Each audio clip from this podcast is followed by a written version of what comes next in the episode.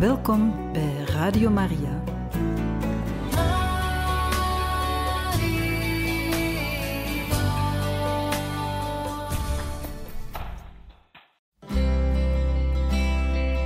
Welkom bij Boekat, een programma van Radio Maria.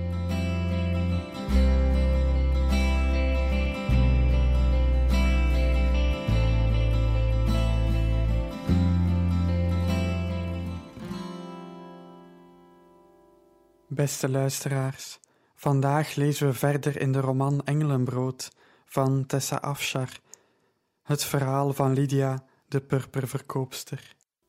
Hoofdstuk 17 Ook vandaag is mijn klacht een klacht vol bitterheid. Mijn hand kan mijn zuchten nauwelijks onderdrukken. Job, hoofdstuk 23, vers 2 Artreus slaagde erin een arts te vinden die net zo goed geheimen kon bewaren als ziekten behandelen. Lydia vond hem een gewetensvolle en goed geïnformeerde man, niet zo blufferig als de arts die Jason naar hun huis had gehaald, en een stuk goedkoper. Terwijl ze wachten tot Eumenes weer op krachten kwam, schreef ze brieven aan enkele bevriende zakenmannen, waarin ze vroeg om hulp. Ze konden niet voor altijd in de herberg verstopt blijven zitten. Ze moesten een permanente oplossing bedenken. De meeste collega's van Eumenes antwoordden niet eens. Een paar schreven korte briefjes met een spijtbetuiging. Een man, een Jood die Abraham heette, sprak met haar af op de markt na zonsondergang. Hij stond achter de beschutting van een hoge muur zijn gezicht half in zijn mantel verborgen. Sommigen geloven de aantijgingen van de magistraat dat je vader geprobeerd heeft mevrouw Dione op te lichten, zei hij. Voor mezelf weet ik dat Eumenes onschuldig is. Hij wreef over zijn kaak alsof hij pijn had. Ik ken hem lang genoeg om overtuigd te zijn van zijn eerlijkheid. Mijn vader zou nooit iemand beroven, zei Lydia fel verontwaardigd. Het verbaast me dat zijn vrienden hem zo snel veroordelen. Dione is een machtige inwoonster van de stad. Het is moeilijk om aan haar woord te twijfelen, zeker als dat samengaat met een document dat je vaders zegel draagt. Hij staarde naar zijn voeten, die vuil waren van het stof van de weg. Ik heb haar hebzucht van dichtbij meegemaakt.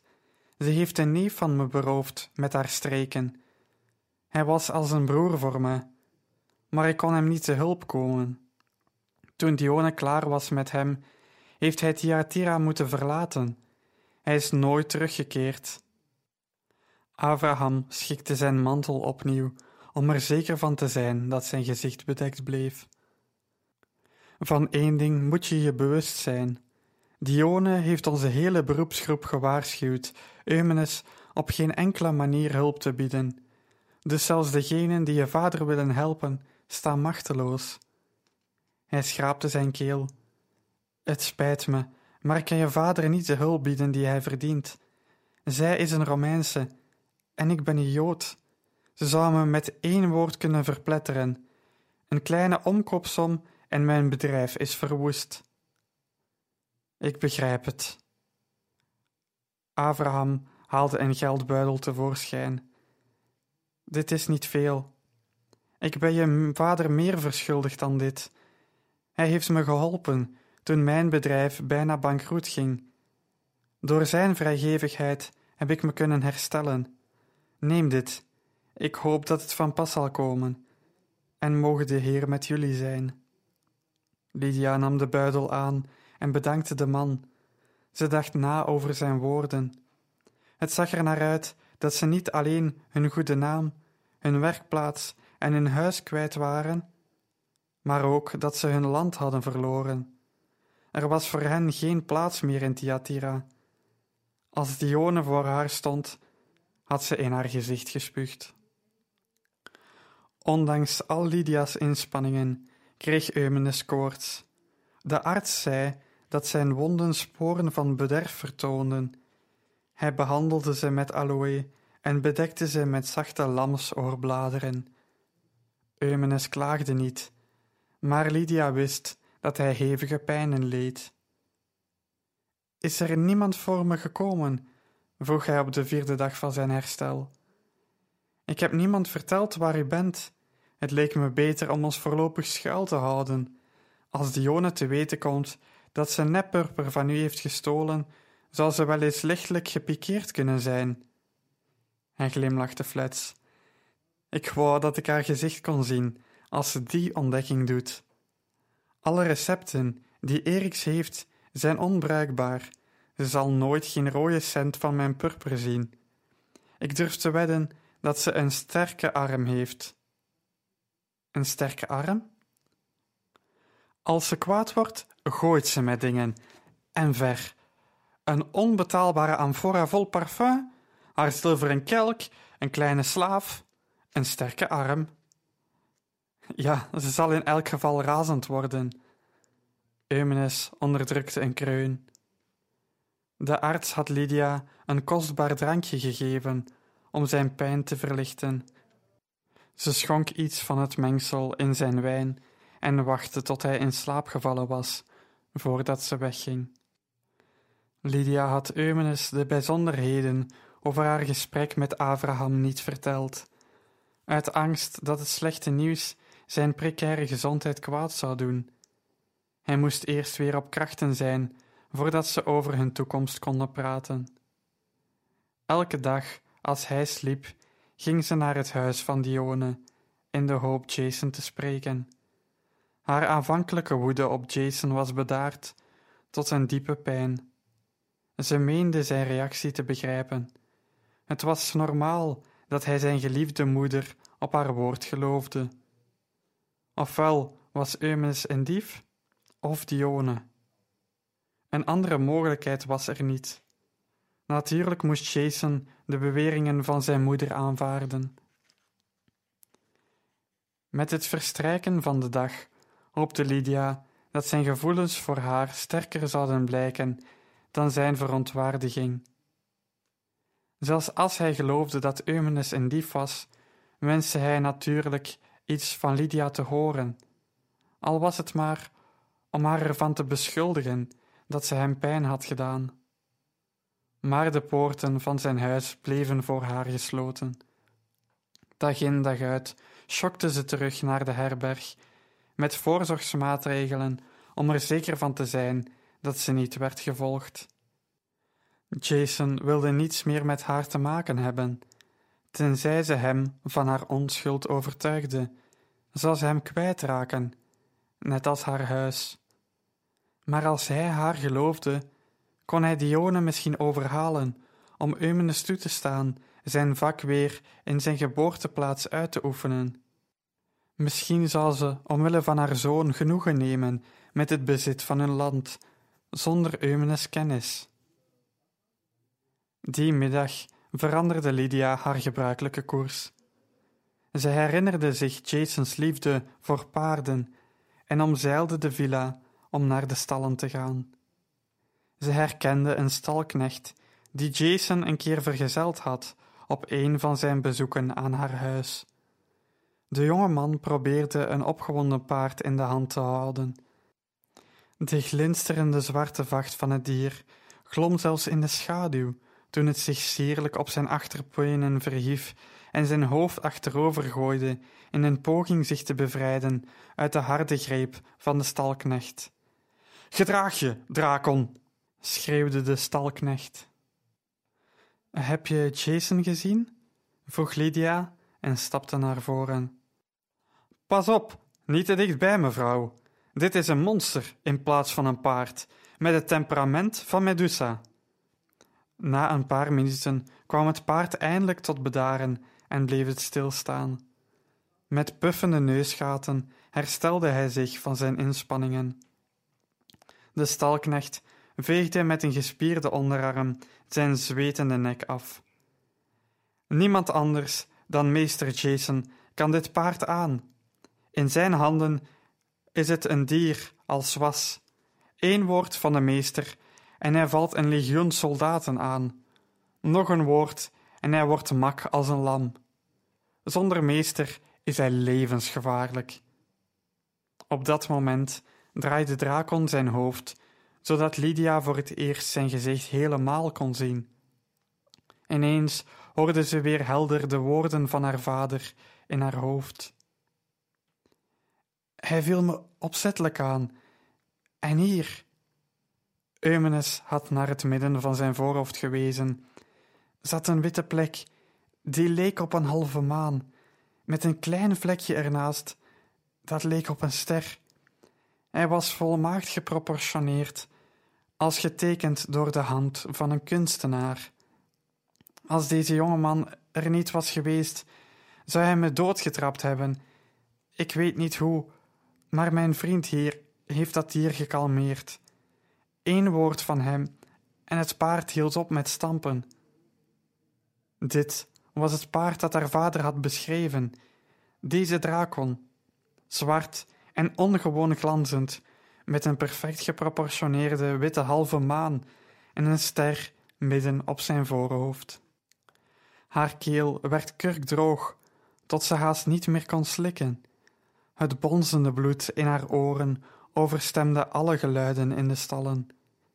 Ze dacht verwoed aan de manier waarop Jason in hun leven was gekomen, en begreep met misselijkmakende helderheid wat er vijf maanden geleden in werkelijkheid was voorgevallen.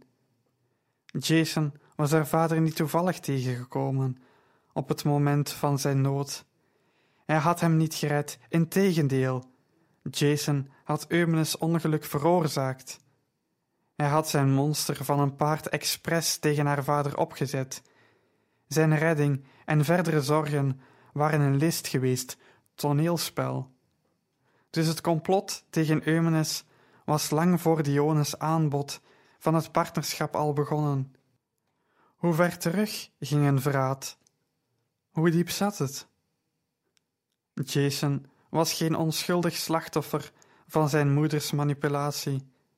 Hij was een willig werktuig ervan, een giftige dolk die in de jaren naar meer rijkdom in hun leven was gestoken. Moeder en zoon moesten gehoord hebben van Eumenes talent, een voorbeeld hebben gezien van zijn onvergelijkbare werk en besloten dat ze dat voor zichzelf wilden. En toen hadden ze hun kwaadaardige plan gesmeed, zo simpel, zo doeltreffend. Zij was de grote dwaas die zonder een ogenblik te aarzelen in hun plannen was gestapt. Misschien had hij haar voor het eerst op de markt gezien, of had hij haar bespioneerd als ze het huis verliet voor een onschuldige boodschap. Hij had haar ongetwijfeld de maat genomen en geweten hoe buitengewoon makkelijk het zou zijn om haar te manipuleren en te bedriegen. Ze was slechts een trede op de ladder die hij beklom, op weg om de geheimen van Eumenes Purper te bemachtigen. Jason had nooit om haar gegeven, nooit van haar gehouden. Iedere uitspraak, ieder teder ogenblik was bedrog geweest, een hebzuchtige list om haar van haar vaders erfenis te beroven. Lydia kon niet ademhalen. Het bedrog van Dione deed pijn. Maar het verraad van Jason?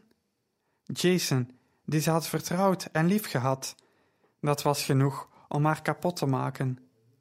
Ze was alles kwijtgeraakt, omdat ze een stel schitterende groene ogen had gezien en de valse beloften daarin geloofde. Ze werd overvallen door schaamte, verstikkende, brandende schaamte, als de wurggreep van een moordenaar.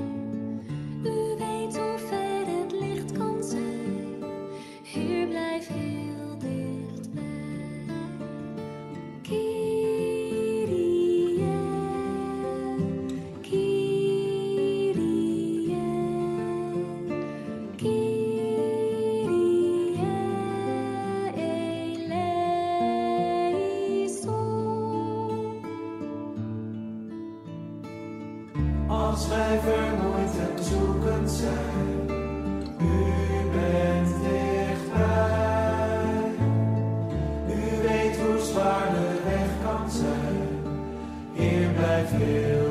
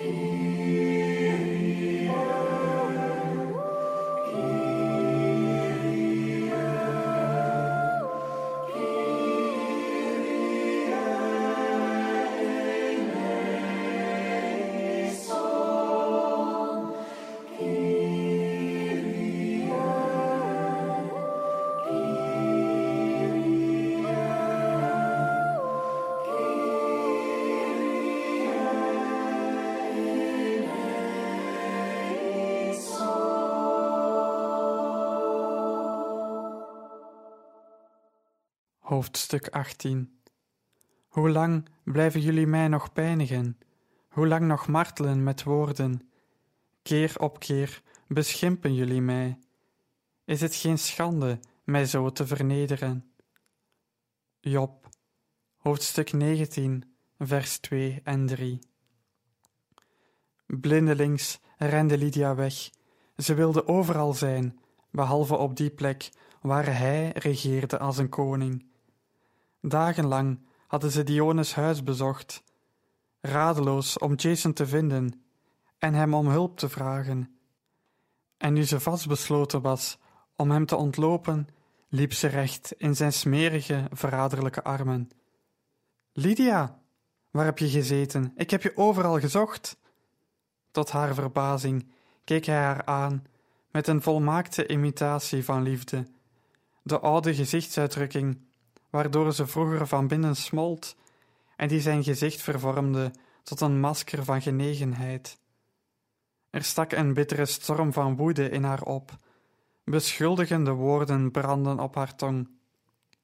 Behoedzaamheid hield haar tegen. Als hij de minnaar speelde, moest hij daar een reden voor hebben. Ze moest zijn motieven begrijpen, voordat ze onthulde dat ze zijn ware aard had ontdekt. Ze probeerde neutraal te kijken. O ja? Dat is vreemd. Ik ben elke dag naar je huis gekomen om je te zoeken.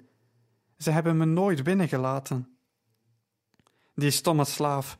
Ik zal met hem afrekenen. Hij heeft het me niet verteld.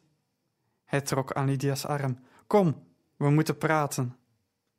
Hier is een klein huisje waar we ons kunnen afzonderen. Het huisje moest van een rentemeester of hoofdstalknecht zijn.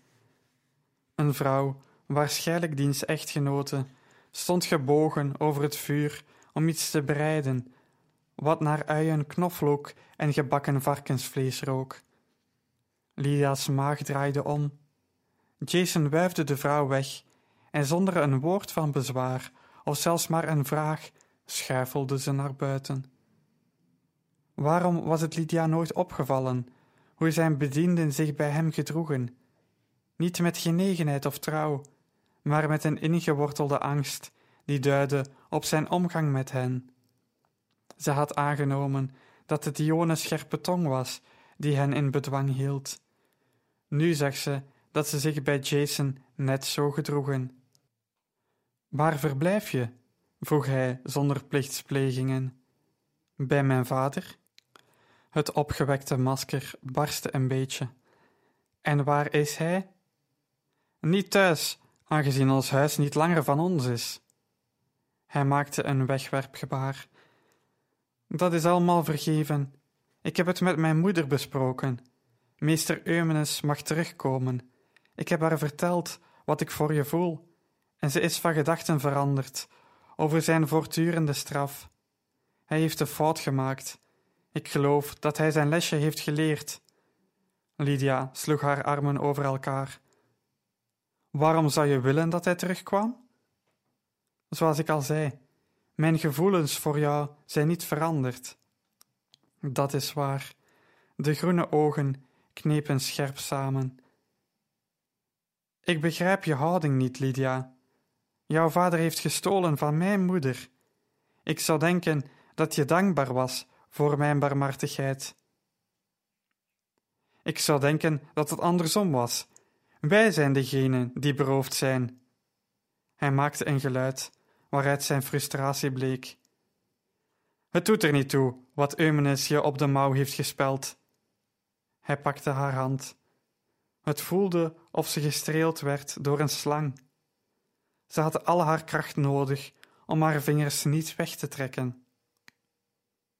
Het doet er wel toe dat ik je terug wil. O ja? Waarom moeten wij betrokken raken bij een ruzie tussen onze ouders? Ik weet dat je je vader niet in de steek zult laten, dus laat hem terugkeren naar het bedrijf waar hij van houdt. En jij erbij. We pakken de draad weer op, van waar we die noodgedwongen hebben laten liggen. Lydia trok haar hand terug. Ze had genoeg gehoord. Hoe maakt Eriks het? Jason keek haar scherp aan. Hij redt zich aardig. Niet als hij de recepten gebruikt die mijn vader hem heeft gegeven. Alle kleur trok uit Jasons gezicht weg. Misschien moet je uitleggen wat je bedoelt. Lydia lachte koud. Of misschien moet jij eens beginnen met mij een paar dingen uit te leggen. Vertel eens over Dracon. Vertel eens over het paard dat je geleerd hebt om aan te vallen en terug te trekken. Vertel me over de dag dat je mijn vader ontmoette en je je in ons leven hebt gedraaid. Vertel me waarom Eriks met alle geweld bij ons moest werken, terwijl hij rondliep te snuffelen als we verf maakten. Vertel me over mijn vaders dertig slagen, of het feit dat ons huis niet langer van ons is. Misschien moet jij eens uitleg geven. Jason trok een wenkbrauw op. Zo. Dus het besef is eindelijk doorgedrongen. Dank de goden. Ik dacht dat ik zou stikken als ik nog één dag moest doen of ik verliefd op je was. Lydia slikte. Wees maar niet bang. Je hoeft niet langer de minnaar uit te hangen bij mij. Er is nog één ding dat ik niet begrijp. Waarom stond je erop dat ik stopte met werken? Het had geen verschil voor je gemaakt. Jason haalde zijn schouders op.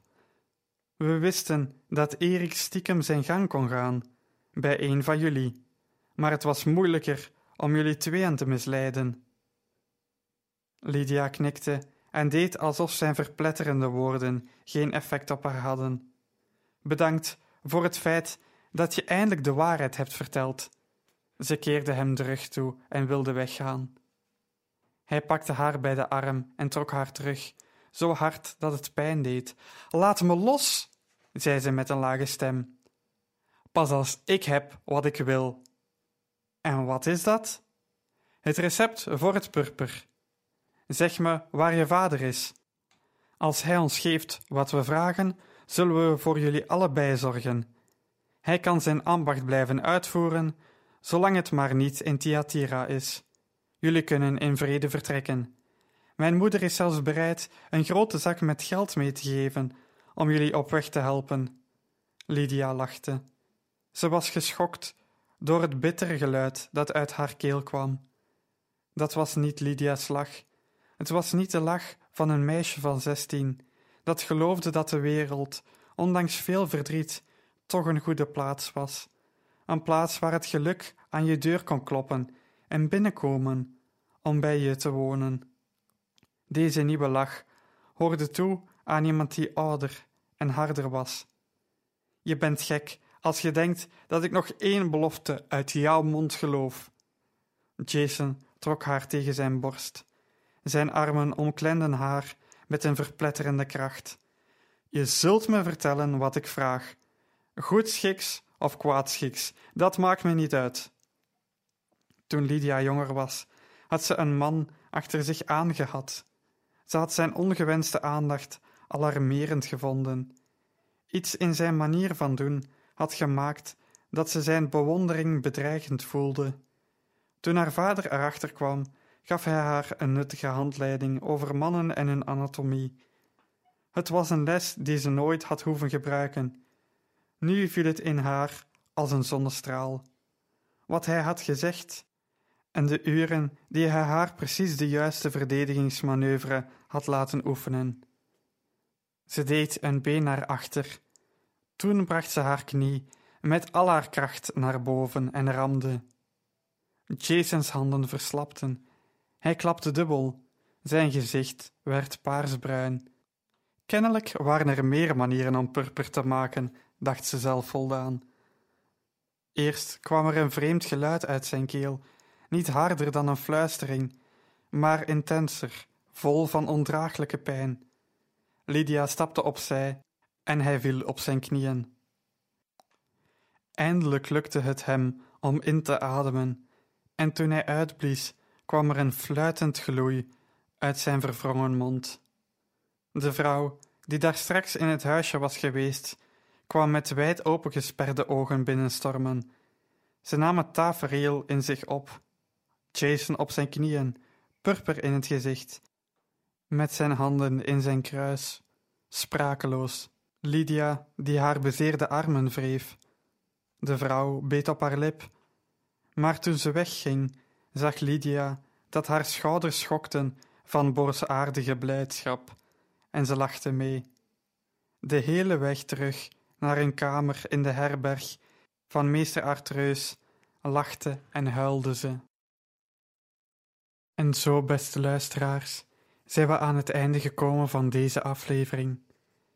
In een volgende uitzending lezen we verder uit het boek Engelenbrood, het verhaal van Lydia de purperverkoopster van Tessa Afshar. Tot een volgende keer.